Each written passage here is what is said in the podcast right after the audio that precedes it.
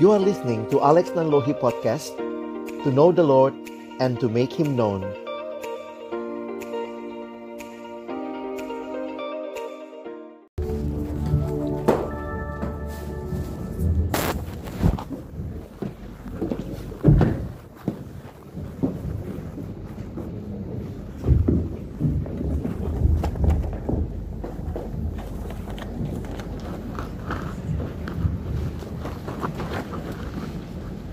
Shalom.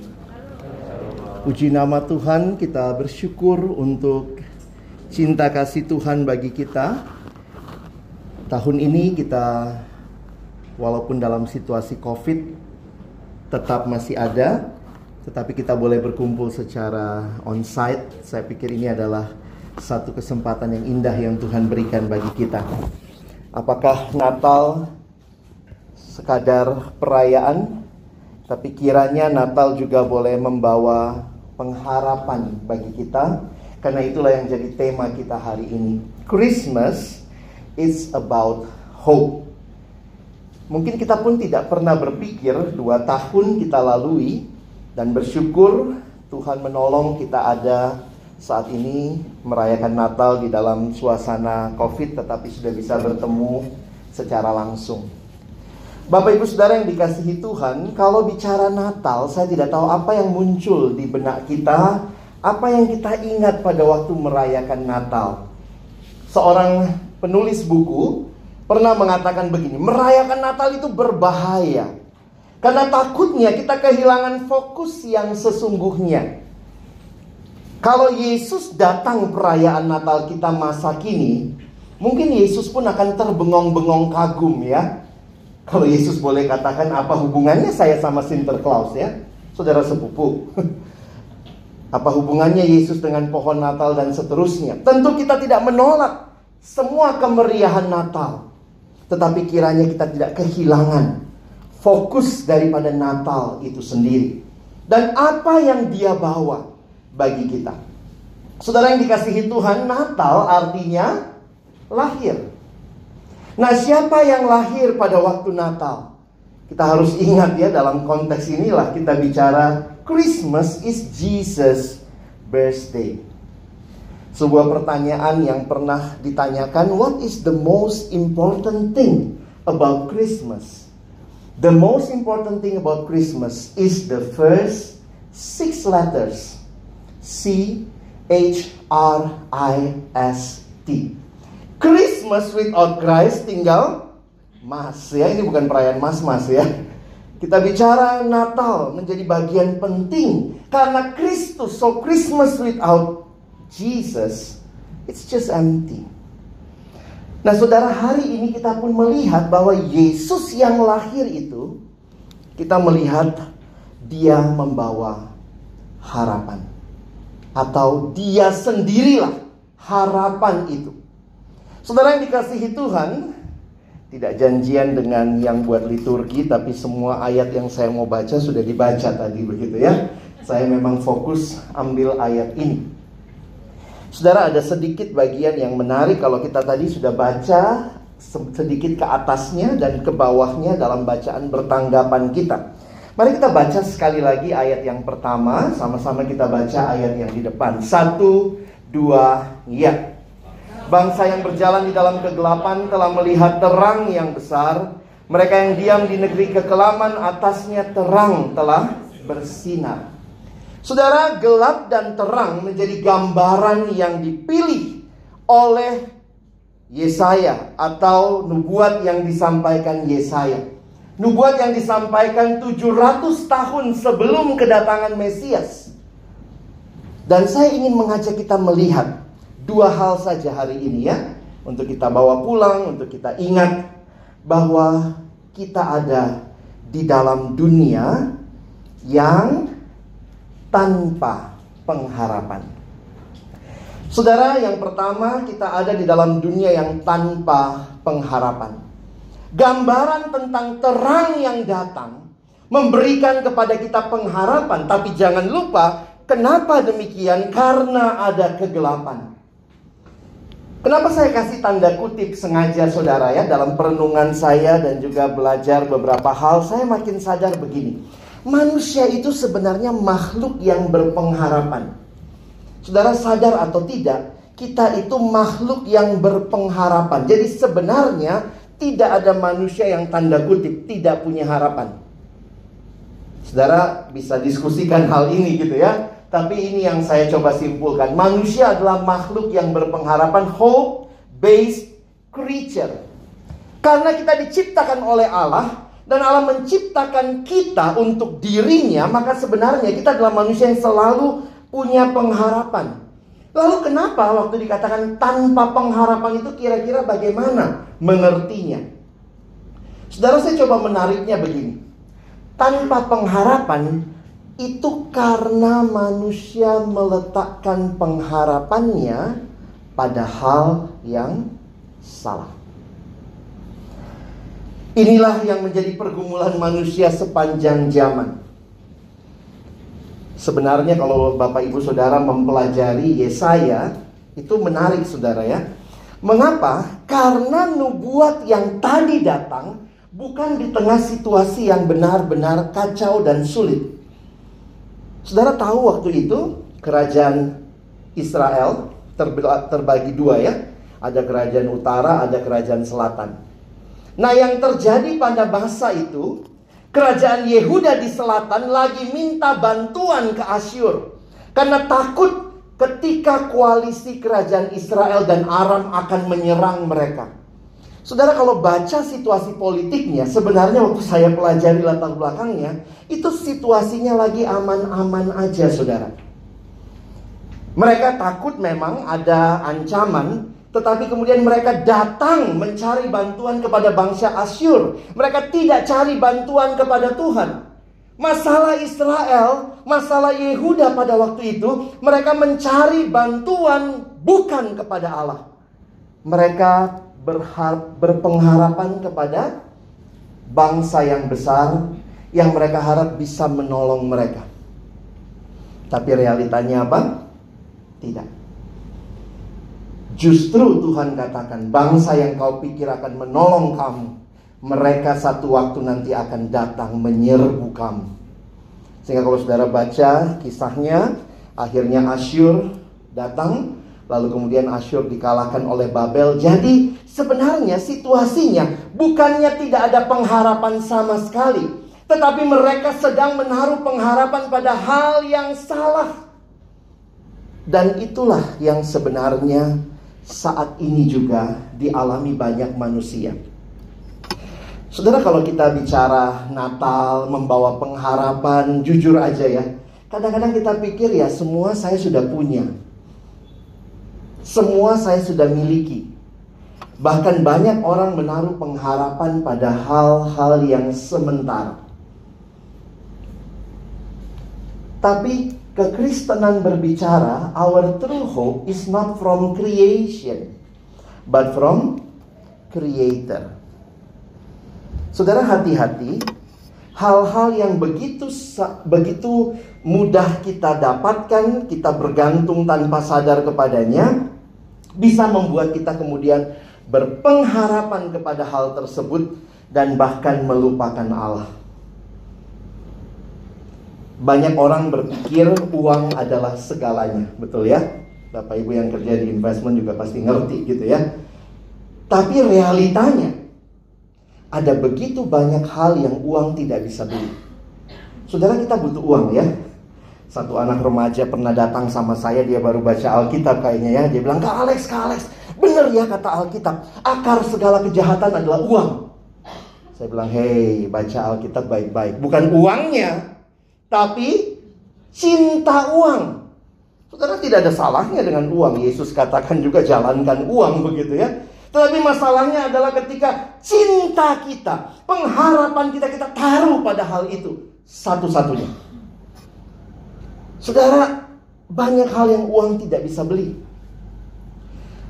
Dengan uang kita bisa punya asuransi terbaik, dengan rumah sakit paling mahal, treatment paling bagus. Tapi dengan uang kita nggak pernah bisa beli kesehatan. Dengan uang kita bisa beli buku, kita bisa sekolah di tempat yang terbaik, tapi dengan uang kita belum pernah bisa beli kepintaran. Dengan uang, kita bisa beli tempat tidur yang paling nyaman. Katanya bagaikan tidur di atas awan ya. Itu mah jatuh saudara ya. Tapi dengan uang, saudara belum pernah bisa beli nikmatnya tidur. Kayak kadang-kadang lucu juga ya. Pemulung di pinggir jalan gelar tikar langsung bisa ngorok ya. Orang kaya kasurnya indah, empuk banget, mau tidur minum obat tidur. Ada hal yang uang tidak bisa beli. Bukan sekali lagi uang tidak kita butuhkan. Tapi apakah kita meletakkan pengharapan kita kepada sesuatu yang sifatnya hanya ciptaan, bukan pencipta? Sehingga waktu anak itu bilang gitu ya, Kak Alex, akar segala kejahatan adalah uang. Saya bilang, wah kamu salah baca ya. Kalau nggak suka uangnya kasih saya. Masih banyak pelayanan perlu didukung begitu ya. Tapi ketika kamu mengerti uang dengan uang itu, kiranya hatimu tetap cinta Tuhan. Saudara, ini realita yang terjadi. Manusia selalu lupa diri. Manusia merasa dirinya Allah. Jadi sekali lagi, banyak orang sedang hidup dalam dunia ini Bukannya nggak punya pengharapan, tetapi mungkin kalau saudara menggali lebih dalam, sedang menaruh harapannya kepada sesuatu. Beberapa startup mulai collab, saudara ya beberapa teman yang kerja di startup mulai tanya-tanya, Kak ada lowongan nggak? dia pikir saya HRD ya. Tapi misalnya begitu dia pikir nanti ah, mungkin hamba Tuhan dengar-dengar ada yang cari pegawai atau apa ya. Saya bilang ya berharap pada Tuhan. Bukan berarti saya tidak bisa nolong karena saya memang juga tidak punya link, tapi kalau ada saya kasih tahu. Tapi bagaimana menghayati kita butuh kehadiran Tuhan yang terus memberikan pengharapan bagi kita di tengah-tengah dunia yang sering kali menawarkan pengharapan yang palsu. Saudara, ini yang kita harus ingat. Manusia suka lupa diri, dia pikir dirinya Allah. Dan ketika saudara dan saya menaruh harapan kepada yang lain yang bukan Allah, sekali lagi bukan berarti kita tidak butuh, tapi apa artinya menjadikan itu pengharapan kita. Kalau kita menggantungkan semuanya sehingga kita melupakan Tuhan, maka saudara kita kehilangan hidup yang sesungguhnya. Tidak heran di Alkitab akhir dari hidup yang berpusatkan kepada diri itu adalah dosa dan dosa membawa hopeless end.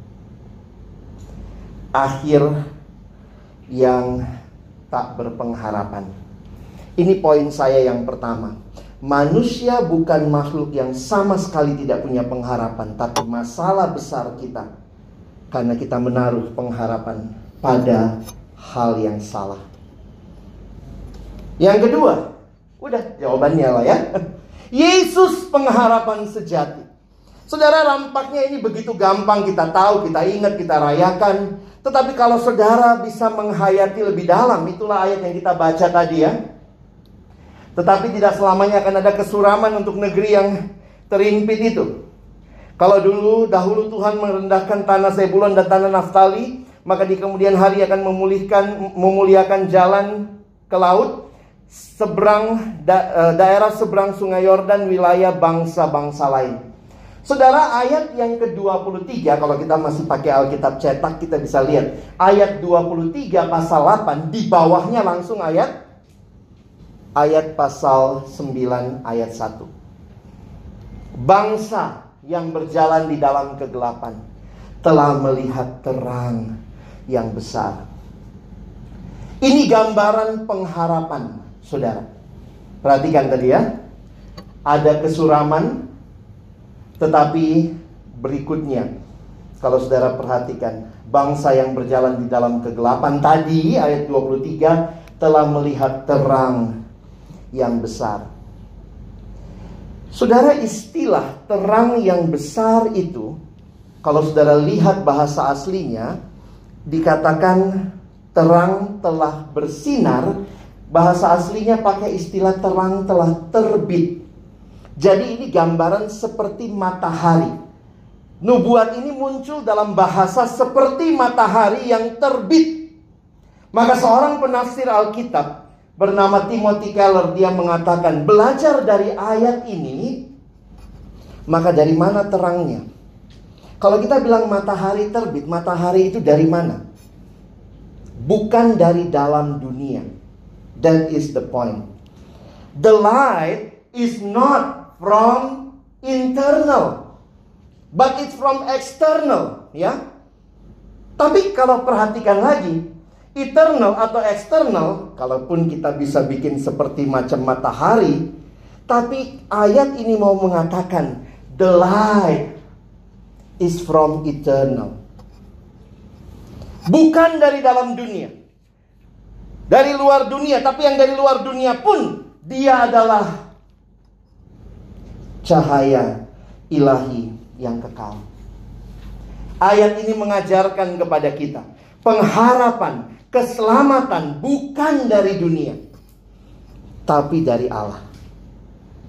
Dan inilah yang kita rayakan waktu Natal. Bukankah kita berkata Allah yang kekal jadi manusia? Pencipta jadi ciptaan. Saudara pernah bayangkan itu gimana pencipta jadi ciptaan? Gak masuk akal saudara ya. Seorang penulis buku bilang begini, saudara mau bayangkan pencipta jadi ciptaan? Coba bayangkan. Pembuat sepatu jadi sepatu. Can you imagine? Pembuat sepatu jadi sepatu. Allah yang kekal datang karena manusia tidak bisa menyelamatkan dirinya sendiri. Kalau saudara dan saya bisa menyelamatkan diri, maka yang kita muliakan diri kita. Karena berarti siapa juru selamatnya? Ya kita. Dari tadi kita nyanyi, dia juru selamat, dia Allah yang kekal, dia raja. Yang datangnya memberikan kepada kita. Jawaban. Karena kita tidak pernah bisa menyelesaikan pergumulan kegelapan yang kita alami yaitu dosa.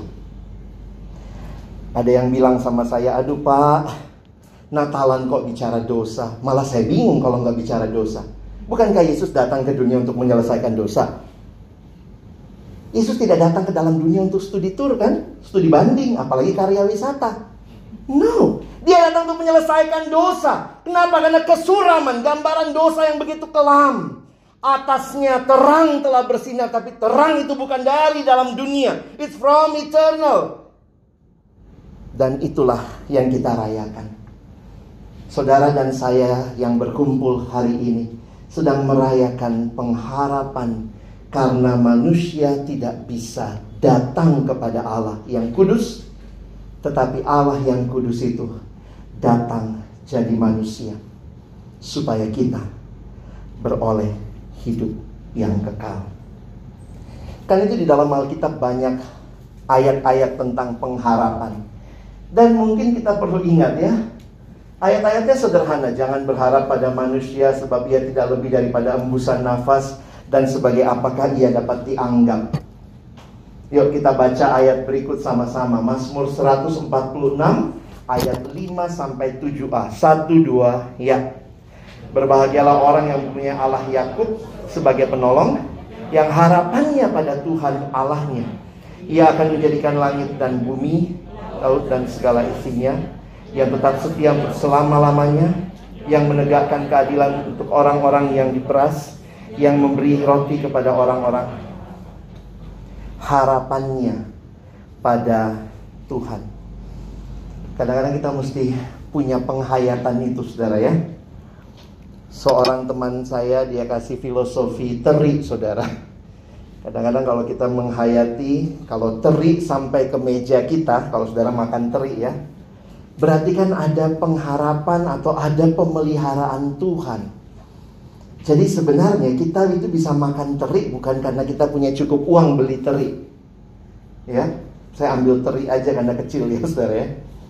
Tapi berarti kalau Tuhan menghadirkan teri Berarti Tuhan memelihara uh, papa mama teri ya. Begitu ya. Tuhan pelihara papa mama teri. Lalu ditangkap oleh nelayan. Nah, Tuhan berarti pelihara nelayan itu dan papa mamanya juga. Lalu kemudian ditangkap pakai perahu. Tuhan pelihara pembuat perahu dan papa mamanya. Mau kita lanjutkan sampai besok nih ya. Ditangkap pakai jala. Tuhan pelihara yang bikin jala dan papa mamanya. Terus begitu ya. Dibawa ke kota terinya habis ditangkap. Tuhan pelihara supir truknya dan papa mamanya. Tuhan pelihara truknya yang dibuat dengan bannya empat. Setiap ban ada empat mur. Murnya mur pertama. Di situ Tuhan pelihara pembuat murnya dan papa mamanya. Kalau kita terusin nggak kelar saudara ya. Sampailah dia di kota, di pasar, atau di supermarket. Kita pikir kita suruh mbak kita beli teri ya. Saya kasih duit. Teri sampai ke meja kita. Itu bukan masalah sekadar ada uang saudara. Tapi ada Allah yang memelihara hidup saudara dan saya dengan sempurna. Gak mungkin cuma makan teri kan? Ya kita sekarang bicara nasi ya. Tuhan pelihara Makin banyak lauk saudara, makin nggak pulang kita. Kadang-kadang sampai di depan meja kita cuma ya cuma teri. Padahal teri telah melewati perjalanan yang panjang. Saudara yang dikasihi Tuhan, bagaimana kita berharap kepada Tuhan? Karena kita tahu semua yang terjadi tidak ada yang di luar kontrol Tuhan. Di perjanjian baru kita melihat Berkali-kali penulis Alkitab merefer kepada Yesus sebagai harapan. Saudara lihat ya, kalau perjanjian lama kan harapannya pada Tuhan Allah Bapa. Di perjanjian baru ada lagi. Ini 1 Timotius 1 ayat 1 sampai 2. Saya ambil Alkitab berbahasa Inggris. Paul, an apostle of Christ Jesus by the command of our of God our Savior and of Christ Jesus our hope. Jadi dia bicara tentang Yesus Kristus, pengharapan kita. Dia membuka suratnya dengan ayat itu. Ini Rasul Paulus. Rasul Yohanes 1 Yohanes 3 ayat 3. Setiap orang yang menaruh pengharapan itu kepadanya menyucikan diri sama seperti dia yang adalah suci. Ini rasul-rasul besar ya. Paulus, Yohanes, satu lagi siapa? Petrus ya. Nah, Petrus juga bicara. Lihat cara Petrus mengkaitkan dengan kebangkitan. Jadi mulai dari Natal sampai bangkit, ini semua bicara pengharapan, ya saudara ya. Terpujilah Allah dan Bapa Tuhan kita Yesus Kristus yang karena rahmat yang besar telah melahirkan kita kembali oleh kebangkitan Yesus Kristus dari antara orang mati kepada suatu hidup yang penuh pengharapan.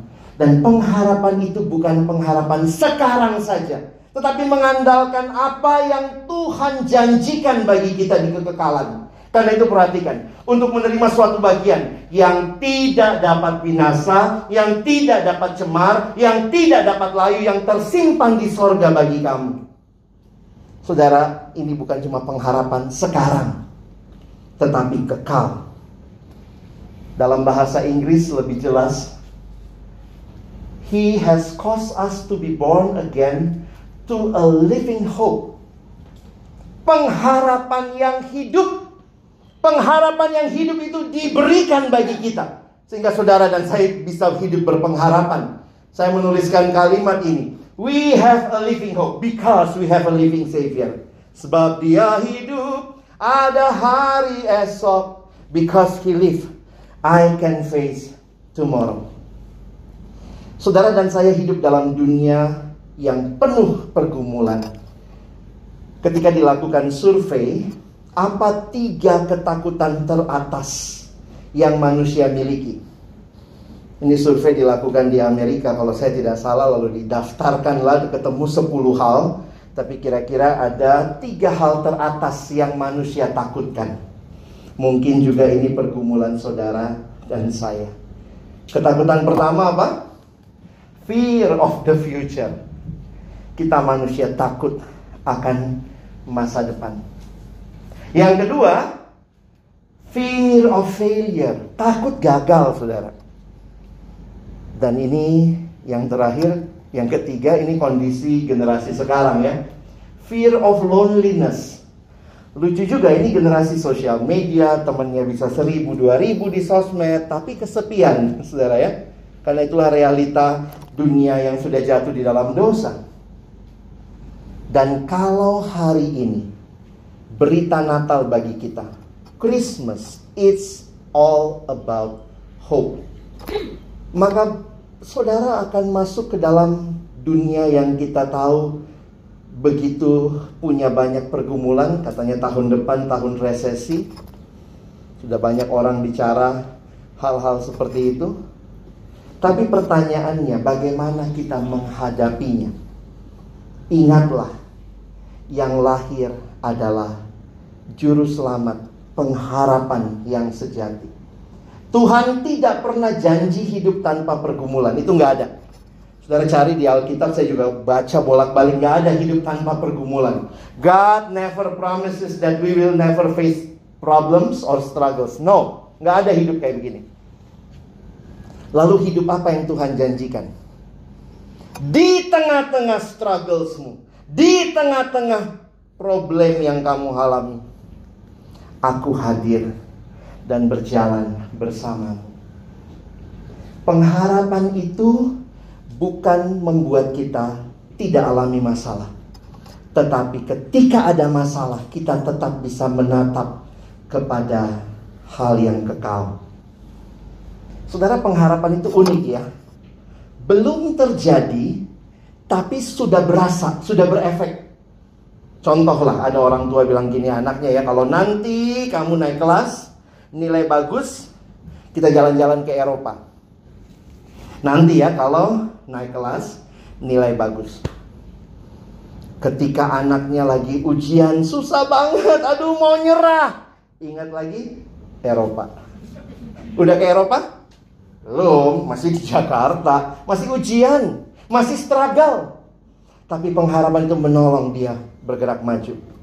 Lihat ujian, PR-nya, papernya mungkin aduh susah banget, pengen menyerah. Ingat lagi Eropa. Kalau saudara punya pengharapan, itu menolong saudara bergerak maju. Katanya dalam hidup yang paling menyedihkan itu bukan orang yang menderita saudara, tapi orang yang tidak punya harapan. Karena orang yang punya harapan masih kadang masih mau menderita.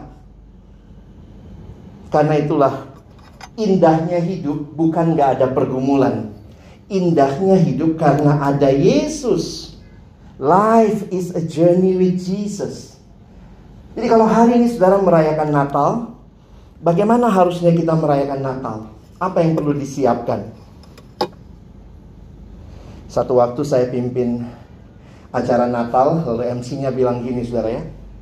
Saudara-saudara, ini sudah selesai khotbah, sudah selesai acara semua. Lalu MC-nya bilang gini, saudara-saudara, kita tiba pada acara puncak kita malam hari ini, yaitu makan malam bersama. Oh itu puncaknya ya bukan khotbah saya gitu ya. Oh itu puncaknya gitu ya. Maka pertanyaan saya, apa yang harus disiapkan? Kalau sekadar makan, harusnya yang disiapkan perut ya. Tapi kan ada lagunya.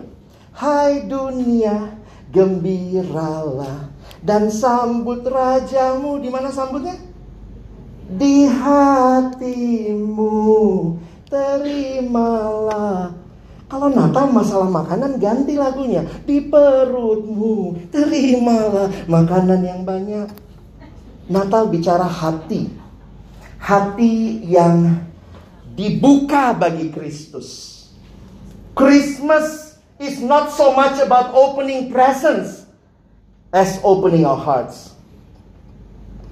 Saudara mau hidup berpengharapan? Terima dia pengharapan yang lahir di waktu Natal Jesus is our hope.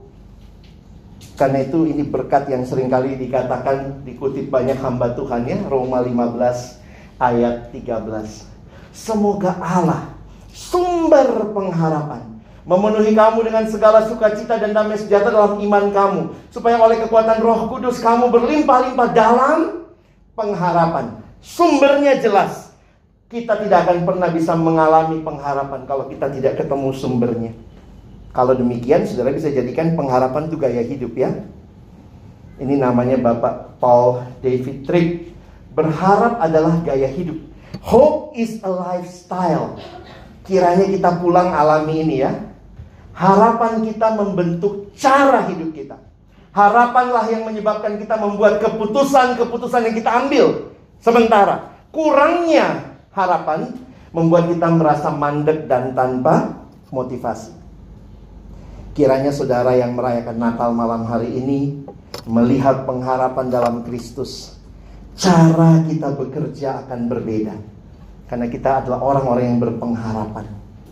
Kalau saudara belum uh, bergaul atau dalam pergaulan pun cara kita bergaul akan berbeda. Dan juga tentunya dalam rumah tangga Bapak Ibu yang memimpin rumah tangga saudara masing-masing kiranya boleh membawa seluruh anggota melihat kepada pengharapan itu. Kenapa? Pergumulan tetap ada. Jangan janji buta sama anak-anak, oh hidup tuh nggak ada pergumulan. Ingatkan mereka, hidup selalu ada pergumulan selama ada dalam dunia. Tapi yang jauh lebih penting, ada Yesus yang menyertai kita. Saya tutup dengan kalimat yang dikatakan pendeta Rick Warren. Kalau tadi sin membawa kita ke dalam hopeless end, maka dia katakan, but Jesus turns your hopeless end into endless hope. Berharaplah kepada Allah karena di dalam Dia ada pengharapan sejati. Selamat Natal 2022 masuki tahun yang baru 2023 dengan pengharapan karena dia lahir di hidup kita. Amin. Mari berdoa. Terima kasih untuk firman-Mu. Terima kasih untuk setiap hati yang terbuka di hadapan Tuhan. Kami mohon Natal bukan hanya perayaan, tapi sungguh-sungguh sebuah perubahan hidup. Kami tidak lagi takut akan masa depan. Kami tidak lagi takut akan berbagai pergumulan yang mungkin menimpa ke depan. Ketika pergumulan itu tetap ada, kami punya harapan di dalam Kristus. Berkati Bapak Ibu sekalian yang mungkin saat ini juga sedang sangat membutuhkan kekuatan pengharapan. Kami sungguh berserah kepada Tuhan.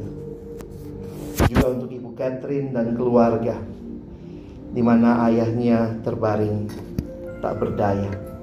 Tapi ada harapan di dalam Tuhan. Termasuk harapan untuk hidup kekal bersama Tuhan. Karena itu kami terus berserah. Kami akan masuk tahun 2023, mungkin ada banyak hal yang kami juga tidak tahu Tuhan. Tapi satu hal yang pasti, Tuhan hadir Tuhan tidak pernah meninggalkan kami. Dan karena itulah kami berani melangkah. Bukan karena kami kuat, bukan karena kami tahu, bukan karena kami bisa memprediksi begitu banyak hal. Tetapi karena kami percaya Engkau hadir memegang tangan kami. Terima kasih. Kami sungguh berserah.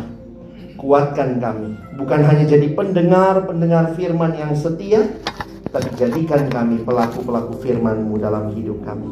Di dalam nama Tuhan Yesus yang mengasihi kami, harapan hidup kami, yang kami rayakan kelahiranmu malam ini, kami berdoa, kami bersyukur. Amin.